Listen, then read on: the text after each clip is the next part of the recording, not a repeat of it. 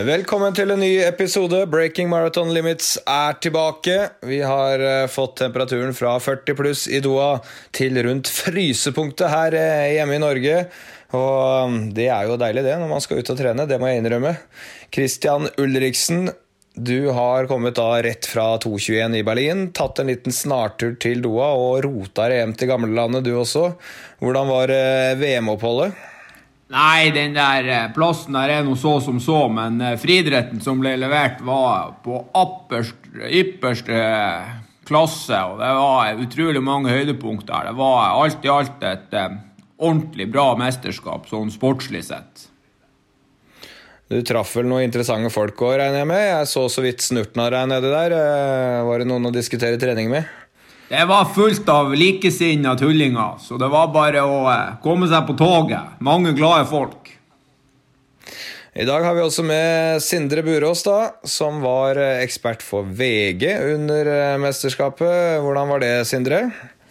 Det var uh, fint. Fikk jeg fulgt med på det jeg liker å følge med på, så jeg ble tvunget, tvunget til å se på masse friidrett. Det, det, var, uh, det, var, uh, det var gøy. Altså, jeg, var, jeg var superspent og hadde høy puls på mange av øvelsene. Hva var høydepunktet for din del?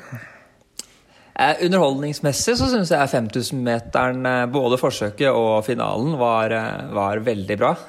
Det var, det var mange nordmenn i aksjon, og det var dramatikk. Eh, men, eh, men eh, også til syvende og sist så ble det et veldig bra resultat av Jakob i en, i en veldig fin og heftig 5000 meter duell. Så, så det, var, det, det syns jeg var høydepunktet, faktisk. Ja, Vi må vel til den kvelden der hvor Warholm da tok uh, gull litt etterpå, og, og 5000-finalen hvor vi har en norsk tenåring som går til med en, uh, ja, litt under 300 igjen der og, og leder VM-finalen. Det, det var uh, spesielt, de to hendelsene der. Så det var litt av en mandagskveld i, i Doha. Men det, du ble hes òg? Ja.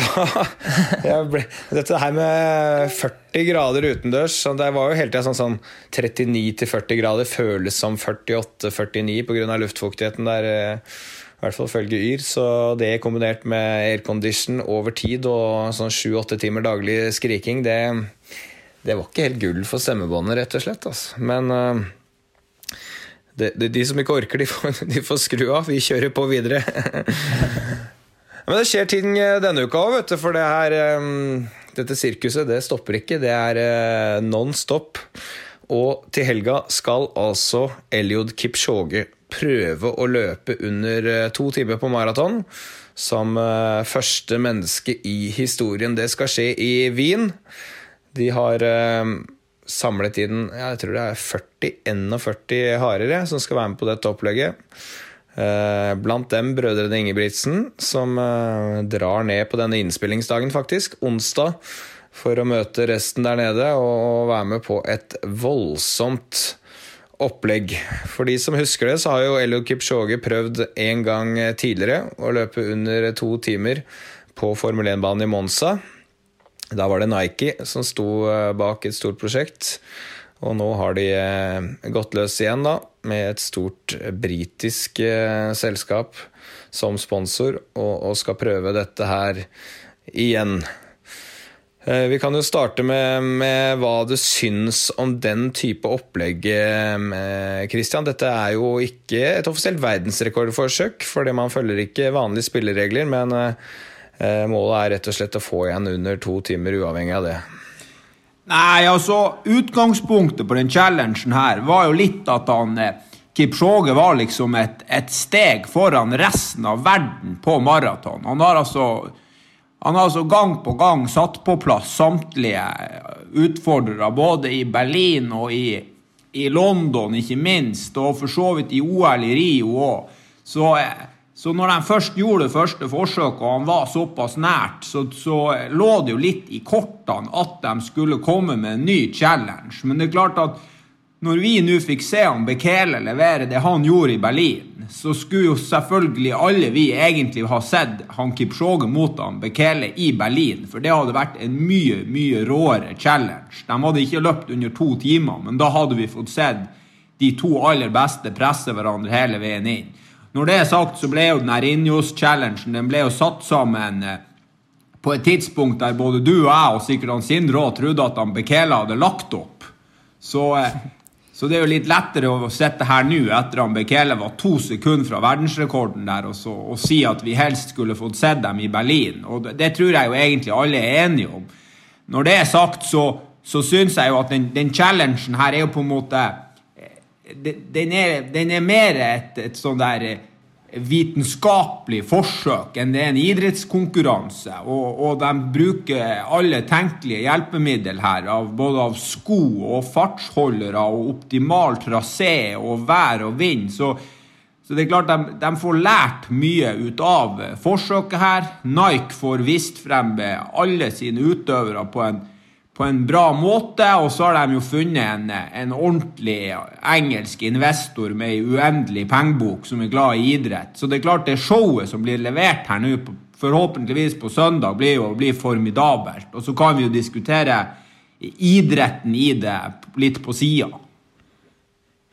Ja, Starten skal altså gå lørdag morgen klokken åtte, er det planlagt. og Det er jo litt sånn værforbehold. De har faktisk et vindu på ganske mange dager hvis forholdene ikke er optimale. Men nå ser værmeldingen i Wien ut uh, veldig bra ut, så jeg tipper det går uh, lørdag morgen. Uh, Sinde, du skal være med å kommentere dette på, på NRK. Vi skal sende direkte. Hva, hva, tenker du om dette stuntet? For vi må jo nesten kalle det det. Nei, det er, jo, det er, jo, morsomt og underholdning. Så er jeg litt enig med Christian at uh, helst så skulle jeg sett at det en, ble en offisiell verdensrekord. Nå er det jo ganske mye nærmere enn det de var forrige gang. Nå er det jo faktisk en godkjent løype. Uh, og, og, det mangler bare et par småting som gjør at det egentlig en, kunne vært et offisielt løp. Uh, men, men det er det er jo kult å se hvor, hvor fort folk kan løpe. Eh, så det, men så bærer det litt preg at det er en sånn kommersiell eh, setting. At det er en eh, litt markedsføring av, av ulike av ulike selskaper. Så, så, men, men, først og fremst uh, høy underholdningsverdi. Og så tror jeg det er viktig for folk som skal løpe under to timer på maraton uh, seinere, at, uh, at det blir vist at det kan løpes under to timer. Da, da, da, kan man sannsynligvis få det til i en, i en rask løype også, en eller annen gang. Så enig med Kristian om at det hadde vært kult med en Bekele-duell, men det er klart det er vanskelig å planlegge med han fyren der. I hvert fall den, den uh, tidspunktet nå. Hadde det vært i 2004-2005, så hadde vi kunne visst at Bekele var, uh, var sharp. Uh, uansett hvilken konkurranse det var. Men nå, nå, vet man på en måte ikke det. Ja, vi har jo sett de to mot hverandre på maraton tidligere, og det har jo ikke vært spesielt spennende, egentlig. Så, men i nåværende form så hadde det vært interessant. Det gledelige er jo at at London har nok økonomiske muskler til kanskje å få dette i stand i april. Og hvis ikke det, så er det jo store sjanser for at Bekele nå blir tatt ut på Etiopias OL-lag. Hvis ikke tre etiopiere løper fortere enn 2.01,41. Det kan jo skje, selvfølgelig, i Dubai eller et annet sted, sånn som eh, de løper for tida, men, men, veldig sannsynlig er det vel ikke, så den, den, duellen kommer. Men vi kan jo si litt om hvorfor ikke dette kan bli offisiell verdensrekord. Når disse starter nede i, i Wien, så har du altså en, en, bil foran seg som er fartsholder. Eh, den har altså utstyr inne i, i denne bilen som gjør at den kan kjøre i nøyaktig fart av det som trengs. Helt jevn fart hele veien. De har testet dette over en maraton. De bommer nå i gjennomsnitt med én meter. Eh, det betyr at den farten eh, den bilen har, den er, den er ekstremt jevn. Så det at slipper haren å tenke på å titte på klokkene sine. De kan bare følge disse laserstripene av noe lys som bilen gir bak for at de skal finne riktig formasjon, og så kan Kipchoge ligge inne i denne formasjonen. Eh, det er én av grunnene. En annen grunn er selvfølgelig at harene de skal gå ut, ut og inn. Rundt 40 harer, da, inkludert brødrene Ingebrigtsen, som skal gå ut og inn. Det sies vel at de skal løpe ca. 4,5 km av gangen. Eh, ingen som vet nøyaktig ennå, det kan endres. Eh, og så går de ut, og så tar de en pause, og så kommer noen inn igjen, og da er det harer absolutt hele veien. I tillegg så kan det langes fra motorsykkel eller sykkel eller elsykler, slik at han kan få det, den drikken han vil, rett til seg uten å måtte løpe innom noen bord eller stasjoner eller den slags. Eh, løypen i og for seg, som, som er et sted mellom 8 og 9 km i, i Wien, den er jo godkjent. Skal starte opp en liten bro der, så det er litt fall helt i starten. Ellers er den så å si dønn flat, og man løper gjennom en stor rundkjøring på begge sider av løypa, hvor man snur i en sving som, som gjør at den ikke er så krapp at man taper noe særlig fart der også, så det høres ideelt ut. Um, det er litt av en bunch som skal ut og være harder der, da, Christian. Det er, det er skikkelig sånn sponsorevent, akkurat det der. Ja, det er klart her når de i siste time har klart å få lurt med han Matt Sentrovic og han der godeste Kvemoi og han Altså, Vi snakker om, om 1500-metergutter helt opp til de råeste halvmaratonløperne her. Han han Eric Kiptanui der som, som løp det der sinnssyke løpet i Berlin halvmaraton for to år siden, er jo òg der, pluss en par av de andre Uganda-guttene. Så de har jo de har plukka de beste de har, og så har det selvfølgelig noen agenter her som har litt mer innflytelse enn andre. men jeg vet ikke om, om friidretten noensinne har sett et så her talentfull Ja, ei sånn samling av talentfulle utøvere på én og samme plass, altså. Det snakkes jo om et enormt budsjett her, Sindre. Tror du disse eh, løperne har for moro skyld for å hjelpe Kipchoge, eller tror du det er eh, økonomi som gjør at alle stiller opp?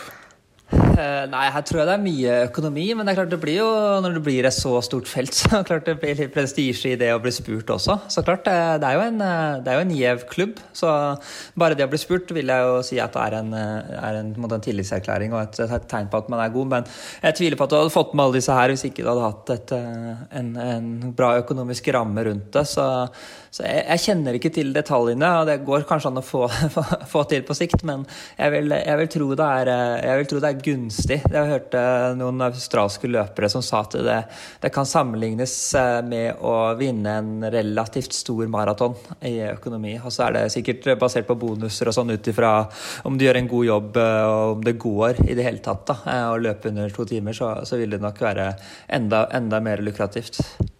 Jeg skjønner at hvis han klarer dette her, så, så regner det litt mer på resten også, men uh, det er klart at uh, dette er vel omtalt som en godt betalt sommerjobb av uh, familien Ingebrigtsen nå. Jeg husker ikke hvem av dem som sa det, men det ligger litt, ligger litt, der. Men til deg da, Sindre. Hvor stor er fordelen? De skal altså løpe ca. 2,50 per km her. I 42 strake kilometer. Hvor stor fordel er det at en bil setter jevn fart, og at man har harer rett foran seg hele tiden? Hvor, hvor stor er den fordelen? Jeg tror det er litt delt. Du har jo den luftmotstandsfordelen luftmotstandfordelen som, eh, som er eh, litt av en fordel. Altså, man kan jo sikkert regne seg fram til det, men, men de som har sykla litt, vet jo at det er kjempefordel å ligge bak en bil, i hvert fall. Det her draftet. Og så blir jo fordelen mindre og mindre jo mindre personen foran deg er. Det var noen som snakka om at i det Monsa-prosjektet at de hadde faktisk fordelen av bilen, siden den var såpass tett på. Men her er tanken at de i hvert fall skal ha fordelen av feltet som ligger der, og bli pakka litt inn veien.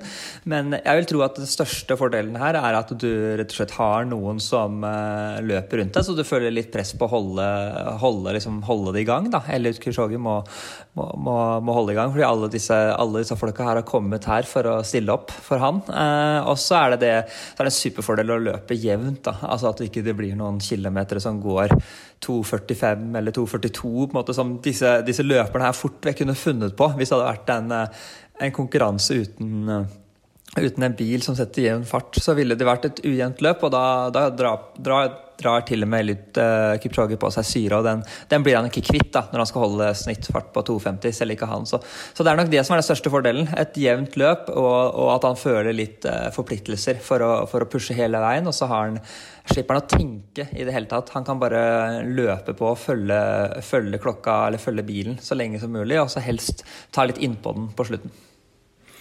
Og så er det dette med været, Christian. Det er meldt nå en 10-12 grader og rimelig vindstille i, i Wien. Hvor avgjørende er været når man skal gå under to timer første gang?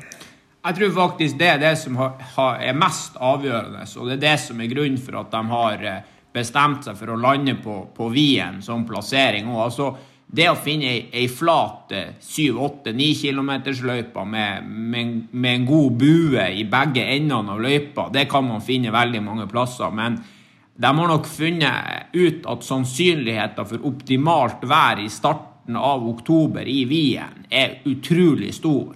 Og jeg tror at de har forska så mye nå på optimal temperatur og kjernetemperatur i kroppen osv. Så, videre.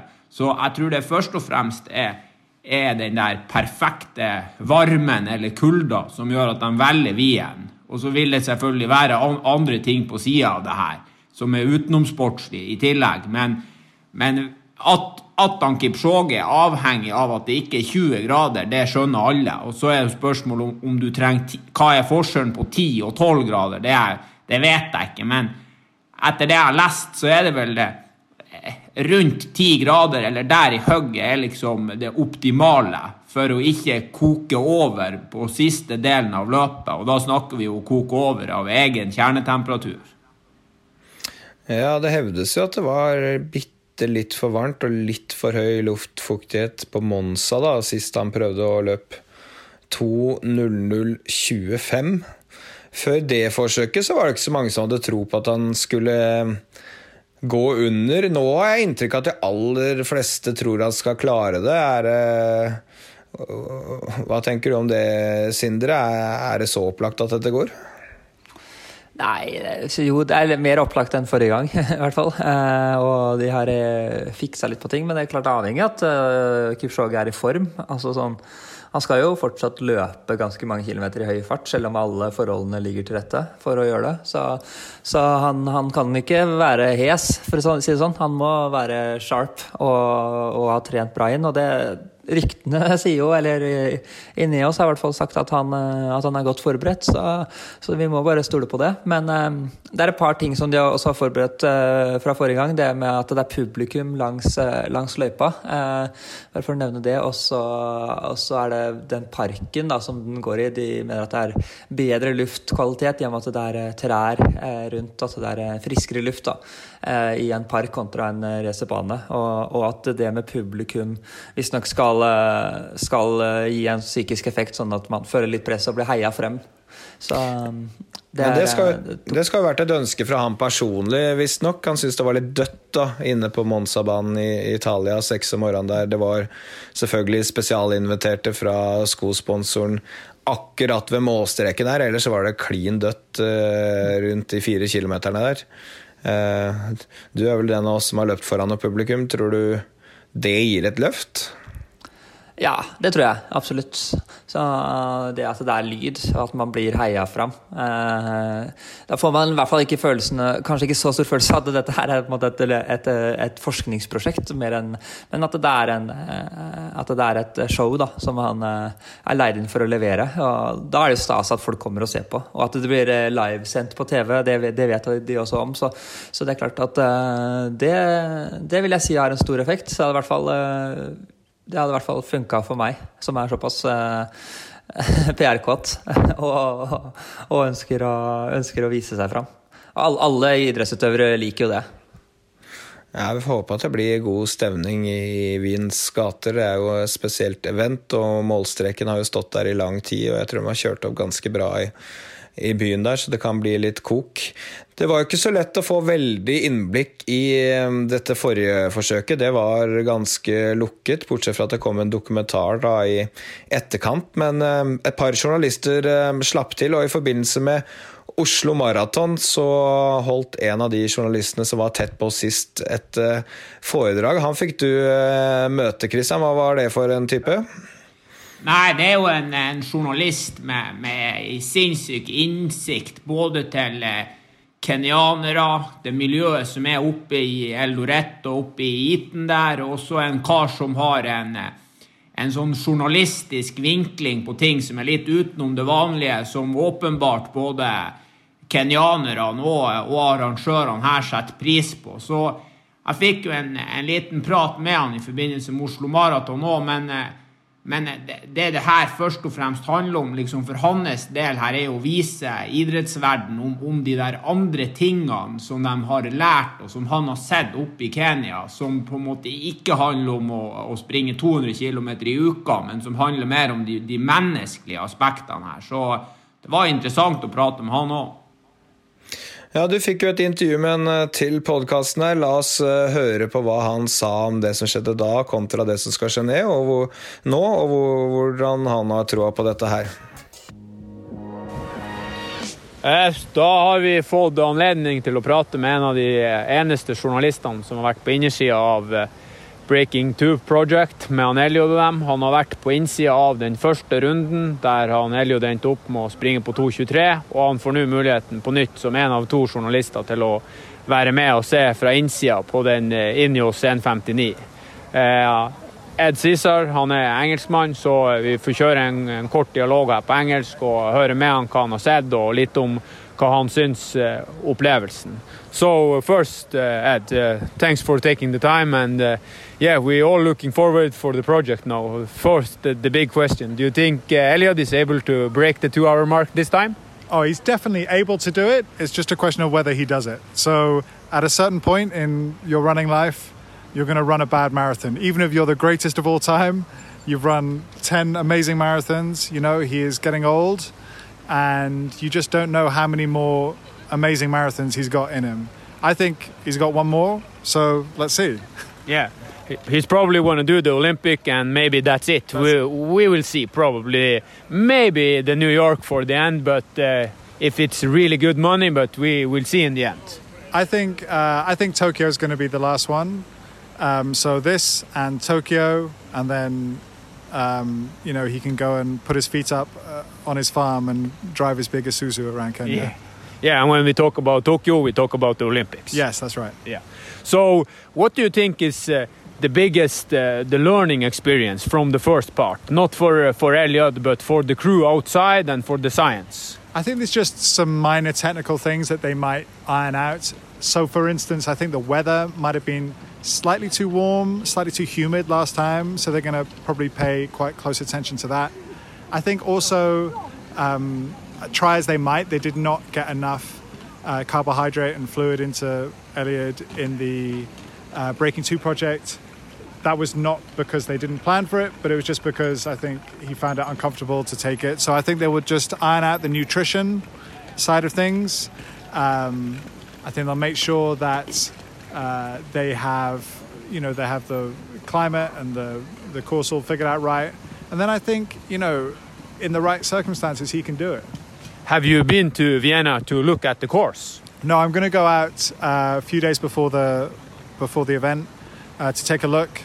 Uh, I'm doing some work for the New Yorker, reporting on the on the story, and yeah, but everyone tells me that it's pretty much a straight line with two little uh, yeah, straight circles, line and two roundabouts. Two roundabouts. Yeah. So it can't be much simpler than that, really.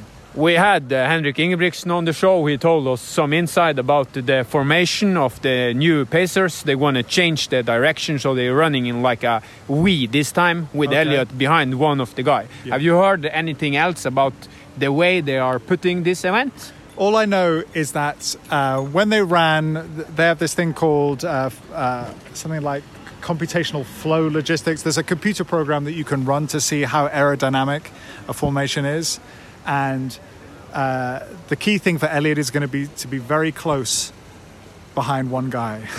so that's the the key, the key thing is you know it's the formation is less important in a way than how close Elliot is to one guy. Yeah. How much, if you can compare this track and the, the new pacing pacer system, how much do you think in in times just that part can be indifferent from the last one? Well, I think I actually think they got the pacing. The you know the arrowhead was pretty good last time, and that seemed to work well. Like he was not left alone for a for you know any period. He ran very close. You know he was definitely getting the benefits of of a strong uh, pacing crew. Um, so I think you know they may have some minor tweaks to it, but I think it worked pretty well last time. Do you think that the, this time it's all about Elliot? Last time there were three guys. Uh, they were I don't think it was uh, like possibility for any of the other for uh, beating Elliot. But you know, there were three guys on the line. It was maybe some confusion, maybe some small things. This time is all about Elliot. Do you yeah, think I think that helps. I think that helps. But I think in Elliot's mind, it was only ever about Elliot anyway. Like he was, you know, he was very gracious about the other two runners. But if you asked him, he said there's only one guy that can do it. You know, like he knew it was him. It Yeah. wasn't. It wasn't. Um, you know, there was a picture that was taken in Beaverton, Oregon, at the Nike head, uh, headquarters when the thing was first announced. First of all, they had all three of them, and then Elliot said, "I'll have one on my own." Yeah, that's So yeah, that it, te- says it it tells all. you something. Yeah. yeah. Um, if you're gonna compare the what he did in Berlin when he ran 201, almost completely on his own. I mean, I was there myself, and he did almost uh, yeah 25k on his own, and he ran 201. Do you think that can compare to running 159 with all this stuff, or do you think 159 now is even better? I uh, think every single marathon is different, and when you when he ran that race in Berlin, I thought it was one of the most incredible things I've ever seen, and I didn't think anything that he could do before or since would top that for me. You know, he effectively ran, you know, the fastest time in history by, you know, almost a minute and a half on his own. Yeah, on his really on his own. and he ran a crazy negative split as well. And you know that was it was so so beautiful to watch a guy with that much um, not just you know talent and industry but also mental strength and belief. It was it was amazing. What Elliot have done now with pushing the barrier for the marathon, do you think we can see in the future maybe the top top guys at the half marathon now? Let's say Kamrovor, of course. You have uh, maybe Kielka, if he can work with uh, compete, uh, yeah, still work with Salazar, and of course you have Cheptegei. Do you think in the future we can see uh, more people trying to do what Elliot is doing now? i think he's a one-off there might be some impetus to try and do something you know this kind of moonshot marathon idea but in my head i feel like if he does it this time people will you know no one's going to go back to see whether someone can break 159.30 you know i feel like it's an artificial barrier in some ways two hours for the marathon but it's also you know once it's done it's done. Do you think uh, the science, what they have learned with all the drinking, with the, the carbohydrates, do you think that's going to be a important important part of what we can see in the future with fueling? Yeah, I think that's that's all going to be helpful. I mean, ultimately, running remains quite a simple sport. If you if you looked at the average times of you know the top hundred people, uh, any city marathon from 20 years ago, they were probably the same. You know, I don't think that you know the the professional sport might move on a little bit, and you know the amateur sport might move on a little bit, but ultimately, you know, it's a simple sport, and uh, I'm not sure that there's you could change too much about it. Okay, so the final question: What time do you think Elliot will run? I think he's going to do it. I think he'll run 159.50. Okay, thanks. Thanks so much. Ja, da fikk vi litt eh, innblikk. Eh, Han har troa, han eh, Christian. Har du, har du like stor tro på at det går? Ja, altså, vi må huske på at han, eh, han Eliod han har levert to eller tre maraton i mellomtida her nå. Han har senka verdensrekorden. Han er blitt eh, to år eldre. Han har trent sine meter. Altså, det, det aller meste ligger jo til rette for å springe på, på under to timer. Men når det er sagt, så, så er jo han jeg skulle si han Elliot er ikke, han er jo ikke en maskin, han heller. altså. Det går an å få sting her på 30 km. Det går an å gjøre mye rart som gjør at ikke her går veien. Men jeg, jeg, jeg personlig tror jo det. Og, og en av de største grunnene for at jeg tror det, er, for at, er også for at han har betydelig bedre sko nå enn det han hadde sist gang. Ja, det er det ikke så lett å, å vite noe særlig om. Akkurat hva slags sko han løp sist. Det er ikke så mange av oss som har fått testa akkurat de skoene. Eh, og hva slags sko han løp med nå, det vet vi heller ikke. Men det vi vet, er at Joffrey Camvoror eh, satte verdensrekord under København halvmaraton på 58,01. Hadde på seg et par sko. Det var nå greit. Kom i mål. Og de var rimelig kjappe med å fjerne de skoa fra målområdet og bort og vekk. De var det ingen som skulle få studere noe nærmere. Det er vel en grunn til å anta at det er noe testing i gang her, og det er sko som eh, ikke så veldig mange har hatt på, på beina. Hva, hva tror du, Sindre? Nei, Det er åpenbart. Og så vet vi jo at disse utstyrsleverandørene kjører opp uh, alltid kommer med, kommer med, en del nye konsepter og sånn inn mot, uh, mot OL-sesongen uh, OL også, for å gi de beste utøverne sko til det. Så det er nok en parallell, parallell satsing her som gjør at de kan putte en del ressurser inn i, inn i nyutvikling. Da. Så jeg har jo prøvd noen av disse skoene som jeg tror harene skal løpe med, i hvert fall. og det er sko som gjør at det er vanskelig å jogge hver gang jeg skal ut og jogge med de, så blir det sånn 3.30-3.40 fart, eh, og lavere enn det. Så, så en effekt eh, har det i hvert fall på en gammel traver som meg. Så, så jeg, tror, eh, jeg, tror, det ligger noe der. Og så får vi se. Det blir spennende å se. Jeg er blitt mer interessert i utstyrsaspektet nå i siste, så det blir spennende å se om om det er noe nytt han står med, eller om han står med de, de, de neongrønne skoene som, som, Jeg vet at harene skal bruke, i hvert fall. Så kan hende han får egne, men Eh, det er mye markedsføring inne i bildet òg, så det er klart at det er en kjempeeffekt bare det å, bare det å ta et par vanlige sko og gjemme de for sånne som, eh, sånne som dere. Så, så, så, skapes det rykter om, om nye ting, og det, det, har en, det, har en, effekt på markedsføringa, bare det. Så man må, må, alltid følge litt ekstra med. Men, eh, men, jeg tror det er noe på gang som, som er en build-up til, til OL. Jeg snakket med en utøver som løper med, med, dette merket, og han kan ikke garantere at selv om eh, skoa mine og hans ser like ut, at det er det samme som er inni der. Han er redd for at, eh, at bransjen går inn i en fase hvor eh, det er noen som får de beste skoene først, og at utstyr blir selv innenfor de som er sponsa dette merket, da blir sånn at eh, det er noen som får tak i det beste utstyret først, og det er de aller beste utøverne, at de får en fordel. Altså det, det, går mer i retning kan du si, langrenn, da, eh, hvor utstyr blir viktig.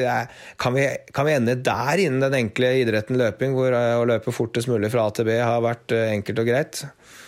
Jeg tror at det, det, det er, dette blir litt psykisk òg. Vi har jo sett folk som har løpt med andre sko som har løpt tilsvarende fort, eller så å si, som i utgangspunktet ikke er så gode løpere. Så, så man litt vanskelig å si den store effekten, men det, er jo, det fins jo norske løpere som har piggsko som ingen andre har også, så, så, som, som, det blir saker ut av, som eh, andre utøvere syns eh, er urettferdig, og det blir, det blir, på en måte en snakkis.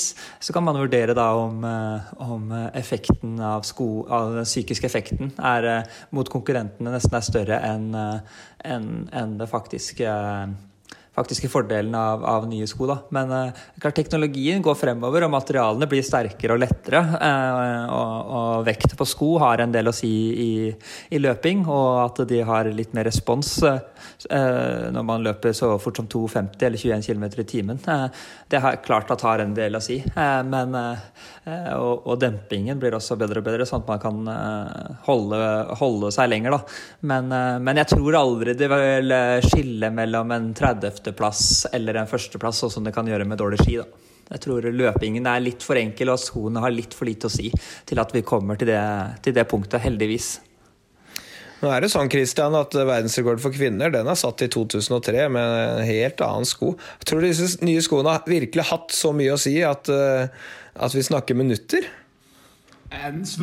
Svaret på det er garantert altså nei. For minutter er det. Altså Han godeste som løper på høy 202 i, i, Berlin, han løper jo i et annet merke på helt andre tradisjonelle sko. og At han Kipchoge og at han Bekele er bedre enn en han, eh, det, det, vet vi jo ut ifra hva de har levert tidligere. Når, når det er sagt, så, så, tror jeg vi er på vei litt mer inn mot, mot den delen av teknologien som gjør at eh, at utstyret er mye mer tilpassa utøveren som står over skoene. Det er ikke sånn at han Eliod og han Bekele hadde samme skoene, det, det, vet jeg. Nå når vi var nede i Doha, så var jeg og han Sondre en, en, runde med, med utstyrsleverandøren hans, og vi, vi, vi prata med guttene som er, er fra ja, er, er lengst inni det her, som designer sko som tester dem. Skoene som han Bekele løper i, er samme skoen som, som Ola Nordmann kan få kjøpt på butikken. Eneste forskjellen er at de har bygd opp med ei ekstra karbonplate midt under foten hans, for at hans steg med såpass høy baksving på foten som han har, gjør at når han treffer bakken med de ti andre skoene, så har han vært for ustabil. Nå har de bygd han en sko som er mer stabil for han, som passer perfekt til hans steg. Det er nok det vi blir å se med Kipchoge her òg, at, at, det er en spesialdesigna sko for hans steg, for hans vekt, for hans frekvens. Og så kan vi selvfølgelig begynne å, å dra de her tingene litt lengre. Vi kan jo tenke oss at om fem år så går du inn på en sportsbutikk, du tar på deg en sko, og så bestiller du sålen etter hvor mye du veier, og så bestiller du antall karbonplater etter hvor mye respons du ønsker, og så bestiller du en topp på skoen ettersom hvordan foten din ser ut. Og så kan vi jo prøve å tippe hvor mye det skal utgjøre. Men at han Kipchoge hadde løpt på 2.02 og 2.01 uansett, altså han kunne omtrent løpt, løpt i tøfler, det er jeg helt sikker på. Ja, la oss eh, la utstyrsjaget ligge en stund. Det er jo noen andre aspekter ved dette som er spennende, og én ting er jo det mentale. Um, Sindre, her er det én mann da, uh, som har tatt på seg en oppgave. Hatt den uh, egentlig siden i vår. Dette ble bestemt like etter London Marathon. Det kom i stand i løpet av mai måned. Det er 40 harer der, det er en haug av folk, og det er et enormt budsjett. Alt dette er på skuldra til én mann som skal ut og prestere. Hvordan, hvordan tror du det hadde vært å ha det presset på seg? Uff, nei, det, det, det, er vel en grunn til at Likuchogi har eh, vært så um, god i så mange år. Jeg ser jo at persene hans er jo han har jo satt eh, pers på 5000 Eller den er fra 2004, så han er jo en fyr som har vært i gamet veldig lenge. 15 år siden nå. Så han, eh, han, han er rutinert løper og vet heldigvis hva det går i. Og, og skiller seg nok ut eh, veldig fra andre kenyanske løpere. Ganske lik Bekele.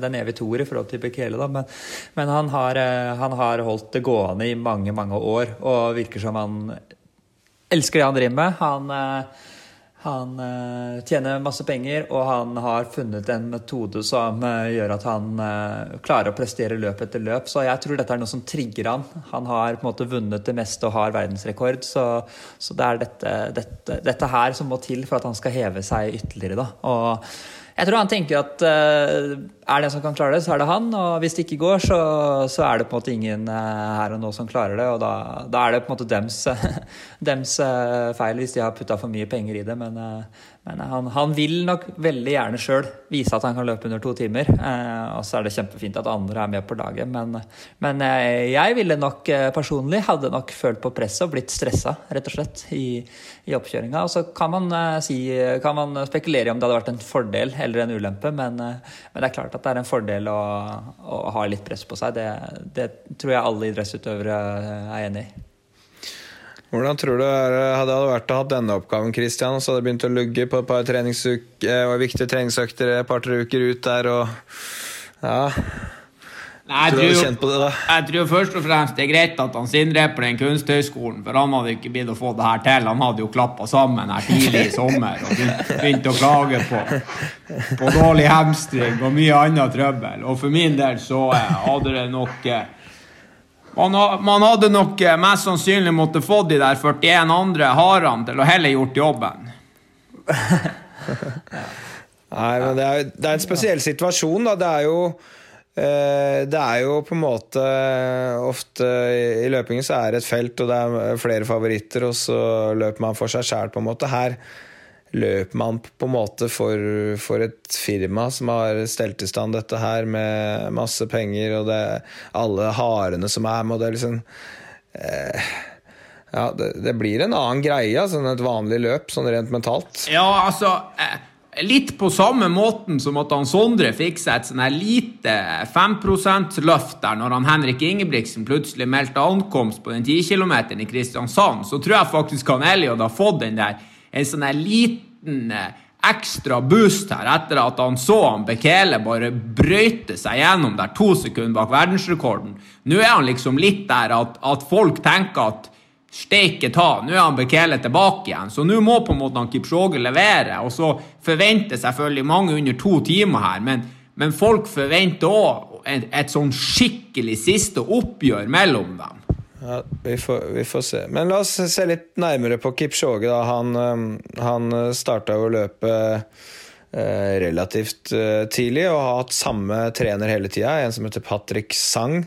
Tidligere olympisk sølvmedaljevinner på 3000 meter hinder, som, som var egentlig holdt til i det området hvor Eliud Kipchoge vokste opp. Um, og de har holdt sammen siden.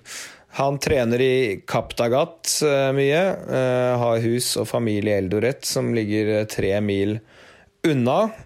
Og så, så er det spekulasjoner hvor gammel han faktisk er, da. Det står vel 34 nå, er det ikke det som står i papirene? Men fra kenyansk hold så, så hevdes det at han er over 40. At han er 41 år nå. Og folk er ganske skråsikre på det. Jeg vet ikke hva man skal tro, men uh, at han kanskje er litt eldre enn det som står på papiret, det er vel ikke unaturlig å, å tro, kanskje. Men uh, du har jo vært mye i Kenya, Sindre. Hva slags forhold er det han, han trener under?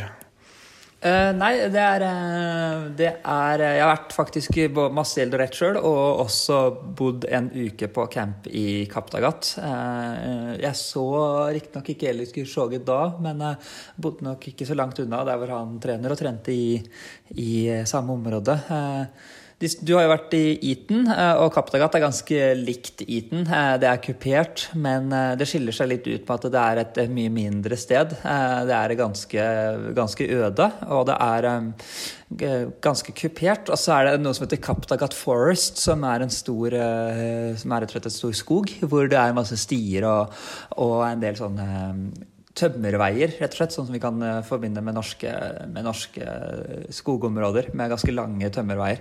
Uh, så det er ganske ideelle treningsforhold. Du har milevis med grusveier i alle mulige retninger som, som gjør at du kan, kan, gjøre det du vil av trening. Hvis du vil løpe 40 km flatt på en grusvei, så får du til det. Vil du løpe eh, mil motbakke med 2000 meter stigning eh, sammenhengende, så får du også til det. Samtidig som du kan løpe på mykt underlag og, og asfalt også. Eh, men det er jo også er det litt høyere enn Eton. Det ligger vel på sånn 2006-2007, eh, husker jeg rett. Så det er, eh, det er ganske ideelt med tanke på langdistansetrening, da, sånn som, eh, sånn som jeg har forstått det. Så, så har det alltid vært et veldig sterkt treningsmiljø der. De forskjellige managementene har hatt camper som ligger der, blant annet han Paysport Management har, har, hatt fasiliteter hvor utøverne deres kan bo og trene. Da. Så det har vært store treningsgrupper som har, som har pusha hverandre. Da. Og Eliud Kishogge vet jeg også har et stort team rundt seg som, eh, som, har, eh, som har, holdt i mange mange år. Da. Så det er, alle disse faktorene her eh, satt sammen gjør at det, det er veldig gunstig å trene i, i Kaptagat og Eldoret. Eh, det er jo Global Sport, da, som er managementet til Kipchoge. De har satt opp en svær camp der oppe som har vært der i mange år. Der er Kipchoge da, stort sett fra mandag til lørdag. Og så hender han er hjemme hos familien sin eh, et døgns tid i forbindelse med søndagen. Og da er jo det bare tre mil unna. Hvis du hadde hatt uh, familien, her var barn og kone Christian, og, og lå på treningsleir i Drammen hele uka, stakk innom på søndag, hvordan tror du det hadde blitt sett på i Norge? Nei, du blir mest sannsynlig omtalt som at du er like steine gal som har hjerte. Og så kan man jo bestemme sjøl om man syns det er et kompliment, eller om man syns det er å bli dratt ned på. Men eh, skal du levere på det apperste ja, den ytterste eliten, og at du skal være best av de beste, så er det for spesielle folk som er interessert i å gjøre spesielle tiltak. Så vet vi jo sjøl hva, hva f.eks. han Sondre er villig til å gjøre. Vi vet hva, hva andre løpere som prøver å, å tette luka til han Kipchoge gjør. Så det er åpenbart at, at det der er effekten av å trene med likesinnede folk i et eh, sammensatt system uke ut og uke inn, er det som er veien å gå for alle, uansett nivå. Og så er det bare litt hvor langt man eh, tør å dra strikket. Han Kipchoge, uten at jeg, kjenner den daglige sånn oppfølginga, så snakker vi om en mann som har hatt en kontinuitet her på trening som mest sannsynlig er helt unik. Og det han har levert på maraton siden han debuterte i 2013, det er uten sammenligning det beste vi har sett fra noen løpere. Så eh, han har jo satt en sinnssyk standard. Han har bare blitt slått på maraton én gang. Det var av Kipsang. Og da satte Kipsang verdensrekord i det løpet. Det var vel eh, det andre løpet i Kipchoges, andre-tredje løpet i Kipchoges maratonkarriere. Så siden har han vært uslåelig med han. Han bor da også oppe i campen der, og der har de sine rutiner. De, de vasker på dass på, på, tur, og det er lister, og han gjør akkurat det samme som alle andre. og Han, han ble verdensmester allerede i 2003, og, og, vi snakker om et område av Kenya som det ja, underkant av 10 000 kroner er en vanlig årslønn. Det er det er jo ikke noe selvfølge at han skal leve som han gjør nå, Sindre. Og det er mange kenyanere som ikke har klart dette over så, over så lang tid. Nei, der skiller han seg veldig ut, og, og han, han, har flust av penger. Eh, sånn, eh, sånn, i både norsk og kenyansk sammenheng. Så, så han, han, har en indre drive som er ganske unik, eh, og, og har ja, veldig sansen, sansen for den, den, approachen han har til, til satsingen sin. Da, og at han, han er en, en, lagbygger, sånn som jeg har forstått det. Jeg har aldri vært på, på lag med han, men, så jeg kjenner han jo ikke personlig sånn. men men ut ifra det jeg har lest og hørt, så er han, eh, er han en veldig fin fyr eh, som, eh, som sidestiller seg selv med, med, alle de andre når han er på camp. Så det er litt sånn militære, militære stil da, rundt, rundt satsingen. Så, så det er, ja, det er en disiplin som han Patrick Sang også har klart å, å, å ta over på, på utøverne sine, da, som, er, som, er, veldig fin. Eh, og det som jeg syns er litt ålreit på den Ineos-prosjektet her, 159, er at de har med en del utøvere som jeg ser på er litt samme typer, sånn som Augustin Sjåge og Bernhard Lagat, som, som, også er to kenyanere i utgangspunktet, da, som, som, har, som, har, holdt det gående veldig lenge på, på veldig mange distanser. Og, og, kobler de opp på dette prosjektet, syns jeg er en fin ting å gjøre, da. Hvis vi skal ta litt hverdagen da, oppe i den eh, campen, da, så er de oppe eh, veldig tidlig. Kjører første økta Litt sånn typisk kenyansk vis. Vi kan se i bildene at eh, det ikke er helt lyst ennå når de står og venter på første økta. Kanskje sånn kvart over seks, halv sju om eh, morgenen. Og så er de kanskje tatt en kopp te i forkant og kommer tilbake, og det er ikke den store frokosten de spiser heller. Det er kanskje en kopp te med ekstremt mye sukker og noen brød Ja, det er noe brød, rett og slett, ofte. Og så har du en kokk da, inne på dette campområdet som lager ordentlig lunsj. Så blir det sovet en del mellom øktene. Elio Kipshoki er veldig glad i å lese bøker. Ofte sånn selvhjelpsbøker. Han har et sånn lite bibliotek inne på rommet sitt, trekker seg litt tilbake. Eller så sitter de og chit-chatter, og de har vel også tilgang til å se noen fotballkamper og andre ting. Og så er det andre økta da i 4.50 på, på ettermiddagen. Eh, stor middag da, som en kokken eh, lager til, og så, så slukkes vel lyset i nitida. Det det er ikke så mye spennende som skjer i løpet av en dag. Ganske dedikert opp opplegg, Sindre? Ja, er, eh, nei, det er, ikke for hvem som helst, altså, det må sies. Og man kan drømme om å, drømme om å løpe fort, og, og synes at det er kult å løpe fort, men spørsmålet er om det er så mange som drømmer om, eh, om den hverdagen der. Så det har, en, eh, det har, ofte en sammenheng med å gjøre veldig bra ting. Så må man dedikere seg, og kanskje gjøre ting som ikke virker å være så fett. Da. Men, men de, de er hardtarbeidende, det er det ingen tvil om, og det er, det er seriøse, seriøse utøvere som rett og slett ikke gjør noe annet enn å trene og sove. Og det er, eh, det er lite, det er lite, lite bajasopplegg på Elliot Kipchoge. Og de, det fins andre kenyanske utøvere som ikke klarer det opplegget han gjør, og de faller veldig fort av. Så det er, eh, det er, litt fint å se. Eh, og så er det ja, rett og slett eh, gode på fysioterapi og, og tøying og bøying og sånn. Han har jo holdt seg skadefri i så lang tid. Så, så de, er, de, er, profesjonelle på, på, sånne ting også, så det er ikke, det er ikke bare talent. Eh, verdt å nevne. Christian, du har jo støvsugd internettet for uh, treningstips og uh, hva de beste gjør, og hva den andre gjør. Hva, hva ligger der ute? Hva vet man om innholdet i treningen til Eliud Kipchoge? Nei, altså Det er jo en gang sånn at det du leser på internett, har en tendens til å være moderert i absolutt alle former og utgaver. Altså, alle vi som, som er noenlunde interessert i, i, i, friidrett, tror at vi vet hva de beste gjør. Vi tror vi vet hva Kipchoge gjør, og vi tror vi vet hva de Ingebrigtsen-guttene gjør. Når du kommer i, i, i nærmere innsikt, så skjønner du at det ligger mye mer mellom linjene her som er viktigere enn vi tror, og som er veldig vanskelig å få hånd om uten å følge dem tett på. Når det er sagt, så har han Kipchoge et, et opplegg og et team rundt han som er skreddersydd for han, som er bygd år på år med kontinuitet, og som er for så vidt ganske enkle greier. De gjør en ei baneøkt eller en form for intervall med rimelig bra fart, der de har pause på tirsdag. De gjør en langtur annenhver uke 30 og 40 km på torsdag, og de gjør en fartslek på lørdag. Utenom de dagene der så springes det moderat og rolig.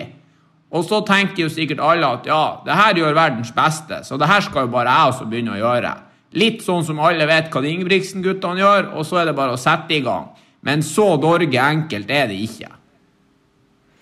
Nei, det krever, krever, litt å gjøre det der uke ut og uke inn, og han gjør det ikke med hvem som helst. Altså, vi ser jo Vi kan se bilder Det har jo dukket opp en del mer på sosiale medier de siste årene rundt denne campen og rundt folkene rundt uh, Kipchoge. Vi kan se på slutten av enkelte langturssindre, så, så, er det bare bilde av to folk. Det er Geoffrey Canveror og Eliod Kipchoge.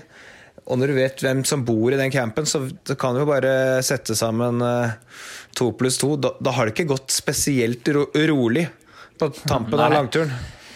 Nei, jeg har vært med på økter der. Jeg, eh, ikke med Elliot Sjåge, riktignok, men med, men med Canova og, og, da han Abel Krui, som er to ganger verdensmester på, på maraton.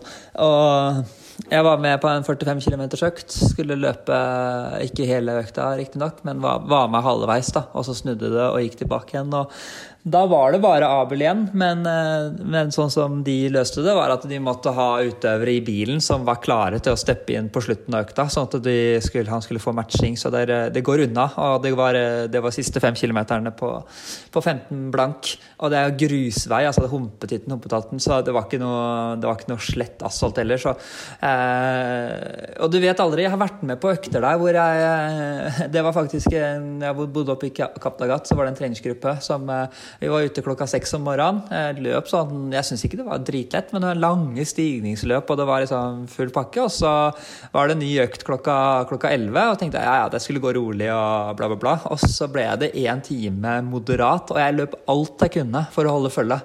eh, og, og, det var, eh, hadde, det, var tiden, det var tiden før GPS.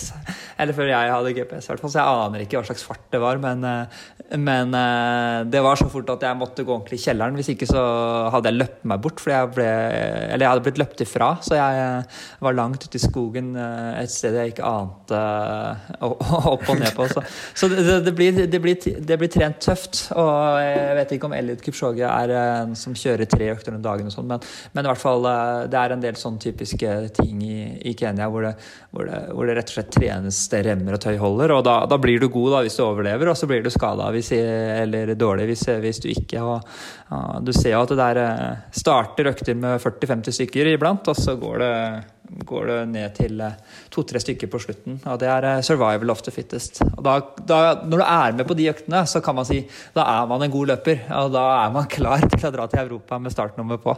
Så, så enkelt er det, da.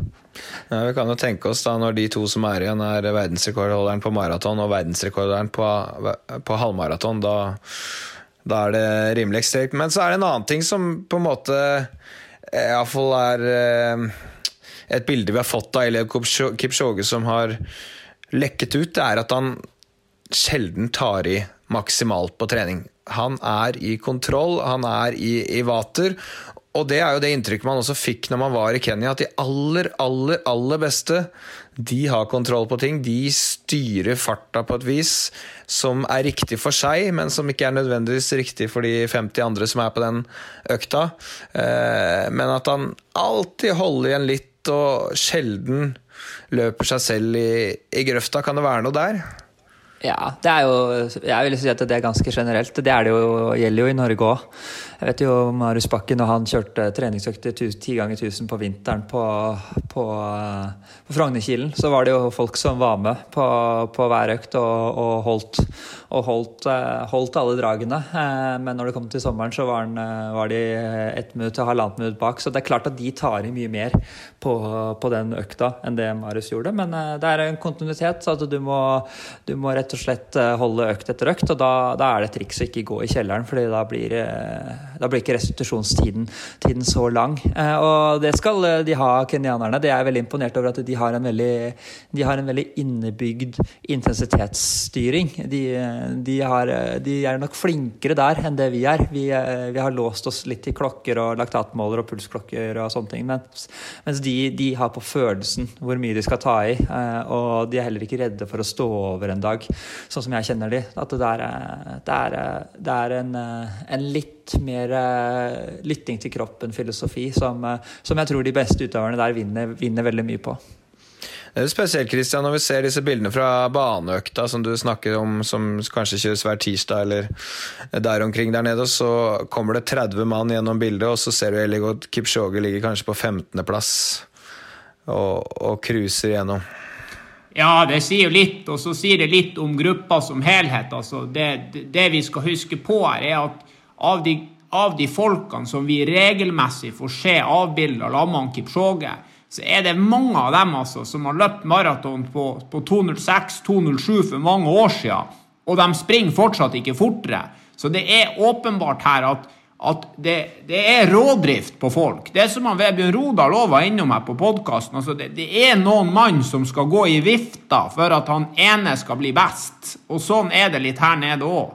Og når du det er jo ingen av oss som vet nøyaktig hvor, hvordan laktat han har, hvordan fart han springer på. For det vi, det vi, får lagt ut på internett, er journalister som gjør et, et visst stykke arbeid fra ei økt. Vi, vi, får ikke se sånn som han Canova som legger ut alle dagene han Sondre har gjort der, 100 dager på rad inn mot 205-løpet.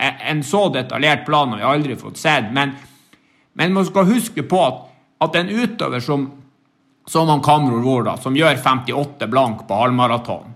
Når han springer 1000-metere på, på 2,45, som er 27-30-fart, så er det jo Altså, det, det, det er begrensa for hvor mye laktat han har på, på 2,45. Det er jo halvmaratonfarta hans. Og, og du kan jo prøve å springe, dra ut der og springe på den samme intensiteten som du hadde i snitt i København, så er ikke det heller så steike tungt. Så jeg syns det, det, er veldig det, altså det er nesten Du leser treningsprogram først og fremst for å se litt på en struktur, og så leser du det mest for underholdning. Det er åpenbart at det er mange der som, som, pusher mye mer enn de skal, men det kan godt hende at det er det som er deres jobb i gruppa. Noen må tross alt springe først.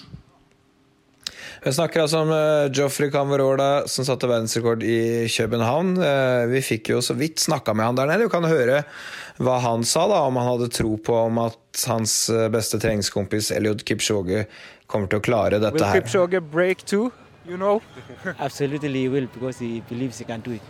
I know your man is uh, limited. Han er selvfølgelig programforpliktet til å ha troa og kommer med denne floskelen de fleste der nede kommer med.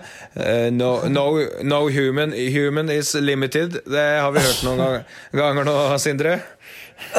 ja, det er, ja, nei, sånne ting er jeg litt allergisk for. Altså. Men uh, det, er, eh, det er nå greit. Det, er, eh, det bærer litt preg av at det, at det er litt markedsføring inni bildet her. Så det er, men det er noe sant, da. Uh, på en måte. Så uh, det er jo vi er jo ikke begrensa på noen som helst måte. Det er noen som er litt mer begrensa enn andre.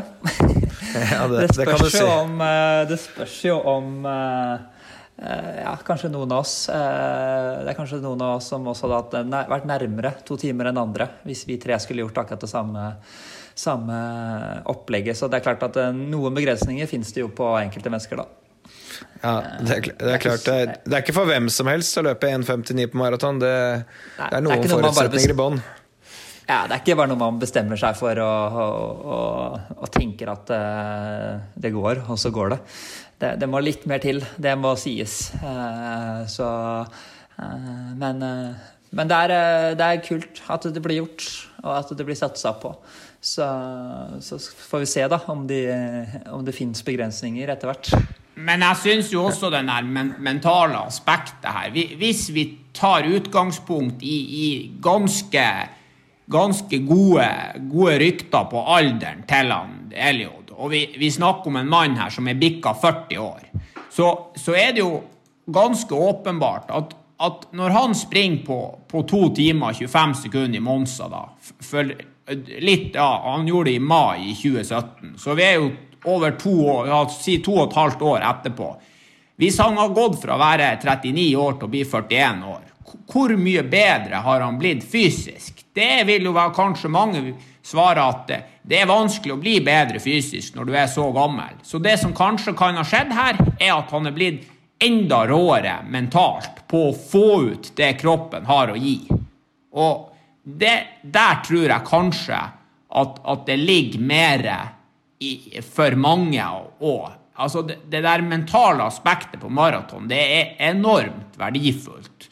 Og det er bare én måte å trene din egen hjerne fra 30 km til mål på en maraton. Det gjøres på konkurranser. Og han Eliod har løpt 10-12 maraton. Han har, som du nevnte, én gang blitt nummer to. Resten har han slått samtlige folk. Så han har, han har, sikkert kommet et stykke lenger på veien på det mentale enn en det fysiske, vil jeg tro. Det blir, blir, spennende å se hvordan dette, dette, går. Han pleier jo å dra fram smilet sitt når det blir sånn tyngst uh, mot slutten der. Sist, sist, på Monza så holdt han jo riktig fart i ja, det var ca. 35 km før det begynte å røyne litt på, og det røyk 25 sekunder da, på, mm. på tampen. Eh, det eneste vi vet er Sindre, er at han kommer til å åpne i korrekt fart.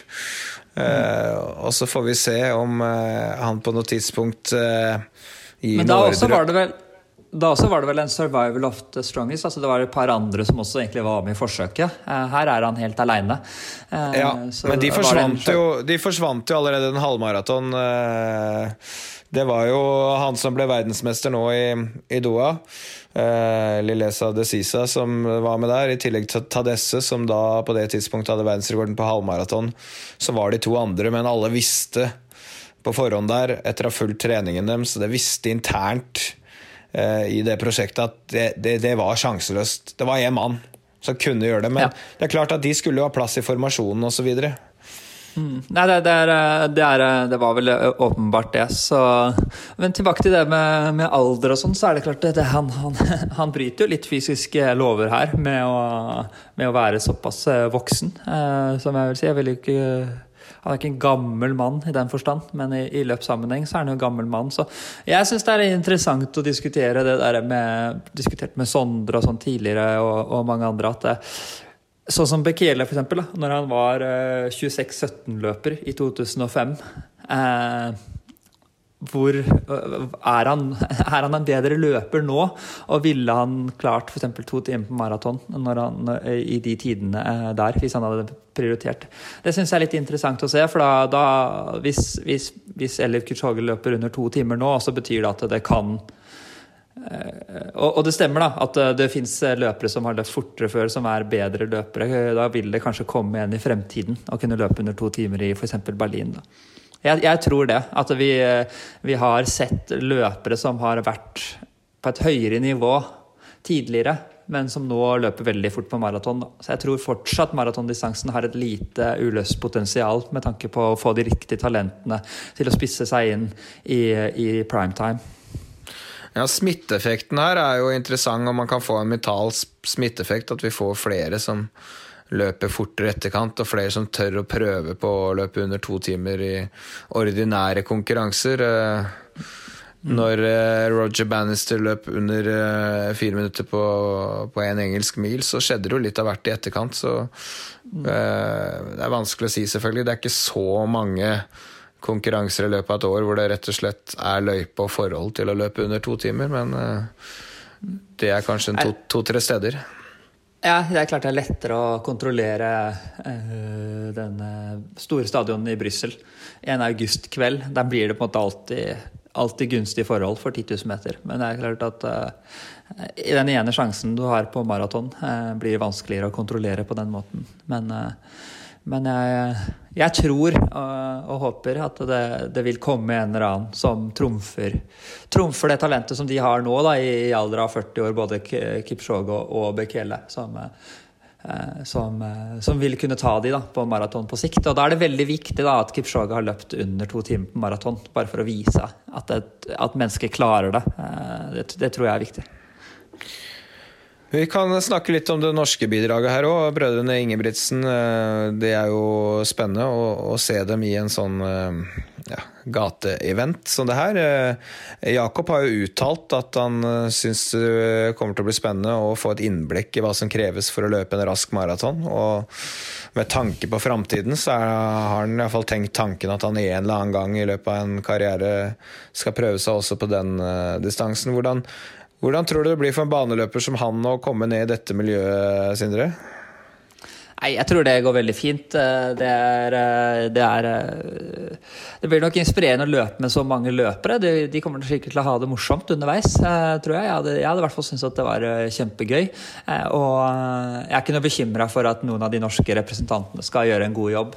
De trener jo såpass mye på asfalt, hardt underlag og, og alt det der å løpe fem kilometer i 2,50 fart, eller 14,06 er det vel de skal ha, ikke er noe, ikke er noe problem. Og så tror jeg de, de skal gjøre en kjempegod jobb. Jeg tror, eh, tror, eh, tror eh, og vet at det fins noen med navnet Ingebrigtsen som etter hvert skal gå på maraton, som sikler på denne distansen til og med. Så, så, så, det er nok et steg på veien. Kanskje det blir en norsk løper som, som Eller det spørs om norgesrekorden er 2.05 om ti år. Det, det, tviler jeg på. Den gikk, så, den gikk i 2.05 i desember en gang, så 2.05 skal, du bare glemme. Nei, nei, ja, så det er typisk norsk å være god. Så jeg tror, vi, jeg tror eh, det er noe på gang her som, eh, som jeg tror eh, Ingebrigtsen-gutta rett og slett vil ha et innblikk i. Hvordan det gjøres, og hvordan det legges opp til å løpe fort på, fort på gate og fort på vei òg. Så det er en unik mulighet da, å komme ned der, og de suger til seg masse læring. Og så, og så tror jeg det, det, vil bli veldig morsomt. Og så tror jeg de rett og slett vil gjøre en veldig god jobb. Så de er veldig gode til å løpe jevnt, og det, der, det er noe de gjør på trening hver dag omtrent. Jeg tok jo samme fly som Jakob hjem fra Doha til Oslo og fikk snakka litt med han. han. han. har jo fortsatt en sånn forestilling om at det hadde vært litt morsomt å være med fra start der. Eh, mm. Og så istedenfor å gå ut, så De kan jo ikke gjøre noe, sier han, hvis jeg fortsetter å løpe. Han, han, han, var, han, var, fortsatt litt der. Jeg tror han sier det halvveis på spøk. Han kommer nok til å følge opplegget. Altså, han, hadde bare litt lysten, skjønte jeg, på å være med fra start. og så løpe. Og han kommer selvfølgelig ikke til å gjøre dette, Christian, men hvor langt tror du han hadde fulgt Kipchoge hvis han hadde vært med for start og, og prøvd å løpe så langt som det overhodet gikk? Jeg er jo veldig glad at jeg ikke er god kompis med Jakob, for da kan man jo si liksom litt ting her som, eh, som man innerst inne tror på, og så får, heller, får vi håpe Jakob hører på og så blir litt irritert. men springe, For å springe to timer akkurat, så må du springe på 14 minutter og 13 sekunder per 5 km, så 2,51 i snitt. Så eh, han Jakob er, han er en, en ekstremt drøy utøver. Og vi alle skjønner at å passere på 28-26 på 10 000 blir å gå greit. Han blir jo å komme seg halvveis på en time, det skjønner vi alle at blir å gå. Og så er spørsmålet hvor mye lenger han går jeg, Mulig jeg er litt stygg, mann, men jeg, jeg gir han maksimalt 25 km. Maks. Kanskje 23. ja. Da er det jo god, da, på halvmaraton òg. Ja, selvfølgelig er han god, men alle skjønner jo, alle skjønner jo at, han, at han Jakob må ha spesifikk trening. Det er jo ikke sånn at han Bekele når han var i 26-18-form, det er jo ikke sånn at han bare kunne heve på seg et par Vaporfly og så dunka inn på 1,59 i Berlin. Jeg mener, han, det har jo vært mange som har prøvd å, å bare gå rett fra 10 000 til maraton uten spesifikk trening. Det, det, funker ikke for noen, uansett hvor god du er. Men hadde du smelta Jakob 200 dager oppe sammen med Sondre, så hadde han blitt og sprunget styggfort på maraton til sommeren, han òg. Det skjønner vi jo. Ja, det får vi se om vi får svar på en gang i i løpet av Jakobs karriere. Det er, mye han skal utrette før, uh, før, det. og Philip og Henrik skal også være harde der. og Vi fikk jo en liten prat med Henrik etter han uh, gjorde en 10 000 nede i Kristiansand, når Sondre Nordstad Moen satte norsk rekord. Da fikk jeg iallfall stilt noen spørsmål rundt uh, hva han tenkte om å være harde for Kipchoge, og hva han tenkte om å, å løpe lengre distanser i, i framtiden. Vi kan jo få et lite gjenhør med akkurat det. Og du skal jo være harde for en som er brukbar på maraton nå i høst, nemlig Eliud Kipchoge. Hvordan ser du på det oppdraget å prøve å være med å dra han under to timer? Eh, for det første så er det et veldig kult, eh, eh kult challenge å være med på. Eh, de bruker jo masse ressurser på det her, og, og jeg har troen på at eh, han skal klare å komme seg unna to timer. Eh, jeg snakket med han som skal være med og arrangere det, når vi var i Zürich nå for to dager siden. Så jeg fikk litt sånn eh, inside information på hvordan eh, harene skal springe. Vi skal springe i motsatt, eller motsatt vifteform. Så de, de ligger ja, så det er liksom sånn Harene skal ligge liksom på en formasjon som virker litt sånn ulogisk. Eh, men det er seks harer i team, og så skal de dra 4,8 km hvert team én eller to ganger. Så har de satt sammen masse team da, som som skal jeg være med og dra. Eh, så eh, Og løypa er mer eller mindre fram og tilbake mellom to rundkjøringer. Ti km totalt. De har lagt asfalt på deler, ny, ny asfalt på deler av løypa som ikke var bra nok. Og de, det er ingenting som er sånn latt til for tilfeldighetene. Har du hele tatt tenkt tanken sjøl og noen gang løpt en maraton? Jeg, eh, jeg forstår jo nå etter hvert at når vi springer 170, kanskje 180 km i uka eh, med seks intervalløkter, så er vel det nesten en større belastning enn å springe 200, 210 km med maratontrening. Der det stort sett er kontinuerlige langturer. Eh, så jeg forstår at vi er ikke så langt vekke fra faktisk å trene til maraton. Og selvfølgelig, når du, hvis du skal springe maraton når det er 3 12 timer, da er det en ganske stor utfordring. Men når vi snakker om gode to timer, to, under 2.10, så er det ikke så lenge og så mye mer enn en 12 ganger 1000-økt som vi bruker totalt 1 time og 45 på. Så det er ikke, det er ikke, vi er ikke så langt vekke som jeg egentlig trodde vi var, sånn treningsmessig. Ja, så har du en halvmaraton. Det begynner å gå mye bra halvmaraton rundt i verden. Kanskje en gunstig periode sånn treningsmessig januar, februar, mars. Eh, og det begynner å bli gode penger nå på løpet av halvmaraton. Kanskje det kan være steg på veien? Ja, selvfølgelig. Det er jo en, eh, en logisk plass å starte. Eh, jeg hadde litt lyst til å springe Oslo Maraton i fjor, men eh, Nei, i 2020 Det var 2018. Ja, 2018. Fjor. Men da hadde Philip akkurat bryllup den dagen, så det fikk jeg ikke gjort. Men, men selvfølgelig, når jeg føler at jeg har gjort mitt på, på Friidrettsbanen, så skal jeg ikke se bort ifra at jeg tar steget opp til, til halvmaraton og maraton. Ja, Her hører vi jo at han, eh, han, tenker jo tanken på å løpe lenger en gang i framtiden. Han er en uh, nysgjerrig utøver som uh, sikkert kommer til å teste òg, og det, det, er jo bare å glede seg med tanke på, på oss som er litt maratonentusiaster, uh, Christian. Det kan, kan, bli morsomt i årene framover. Ja, jeg må jo ærlig innrømme at det hadde vært sinnssykt rått om han Henrik han er den som først blir å bryte ut av den gruppa. her. Litt for at han er den han er, og litt for at han har kjørt den der eh, piggsko-banehelsa si så langt i veggen som det går an å komme. Altså, en, jeg prata litt med han Philip om det der eh, nå, og han Henrik tåler en enorm mengde med, med, lav terskel. Og da snakker vi mye sånn 3.20 til, til 3.10-fart for Henrik sin del. Og det er klart at da springer han på et, på et, steg som gjør at han ikke har samme slitasjen i de der problemområdene. Og så det er klart at Hvis en sånn kar får bygd volum rundt, rundt treninga si opp mot, mot en maraton, så, så, tror jeg han kan springe fort. Men det jeg, jeg håper som først skjer her, det er jo at guttene får et, et ærlig tilbud til, etter OL på å møte opp en plass der det går en rask halvmaraton mot de beste. Og så vet vi jo hvordan Jakob er bygd. altså Han springer med teten, og så får vi se hvor fort det går. Men jeg tror kanskje at det vi så på som utenkelig for en stund siden, med de her guttene på veien og de her guttene på, på en lang distanse, det er blitt mye mer tenkelig nå. Og vi vet alle hvor mye penger det ligger i gateløp. Eh, det er nå engang sånn at, at, alle idrettsutøvere også bryr seg om penger. Og det er klart at eh, den naturlige eh, veien videre er jo en halvmaraton og så kanskje en maraton. Men jeg er jo ganske sikker på at dersom noen av dem springer maraton, så får vi se han Henrik først.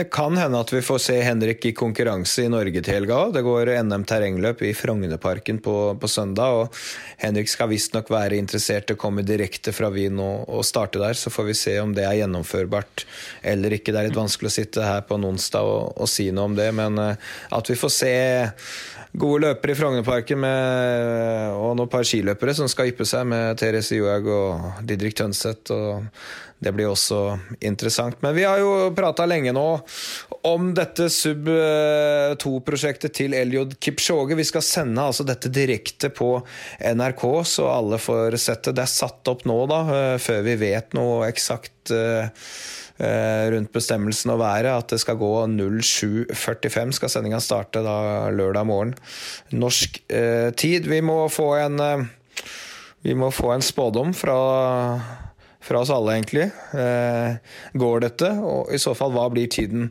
til Eliod Kipchoge? Kjør, eh, Sindre. Jeg tror det blir 1.59,48. Så det går mm. veldig bra. Det går veldig bra. Full kontroll. Tolv sekunder under. Hva sier du, Christian?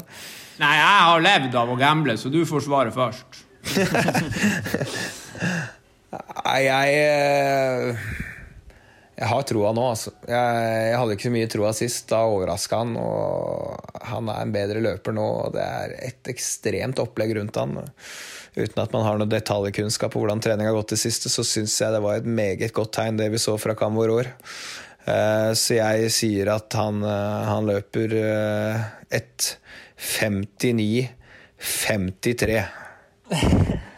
Det, jeg tenker her som er helt sikkert, det er at det blir å være ganske nøyaktig én time halvveis.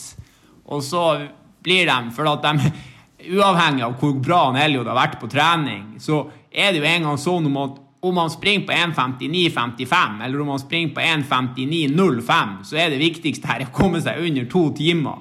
Så han blir jo ikke å, å legge ut her i sånn her hinsides fart som gjør at vi kan tro at han skal springe så mye fortere enn det dere har tippa. Men jeg håper vi får se en mann som, som springer så fort han klarer fra 35 km til mål. Og da tror jeg han kan springe litt fortere enn to timer, jeg òg. Så jeg, jeg sier sånn her 1.59,23, eh, bare for at 23 er sånn Jordan-nummer, og at han sprang på 1 time og 23 sist. Jeg gir han ett minutt bedre nøyaktig. Ja, Vi er tydeligvis optimistiske sjeler. Vi tror han klarer det, alle sammen. Det blir veldig, veldig spennende å se, i hvert fall. Så um, er det bare å følge med på, på NRK. Der skal også NM i terrengløp eh, gå. Takk for at dere var med, gutter. Vi krysser fingrene, og så får vi svaret til helga. Takk for at dere hørte på.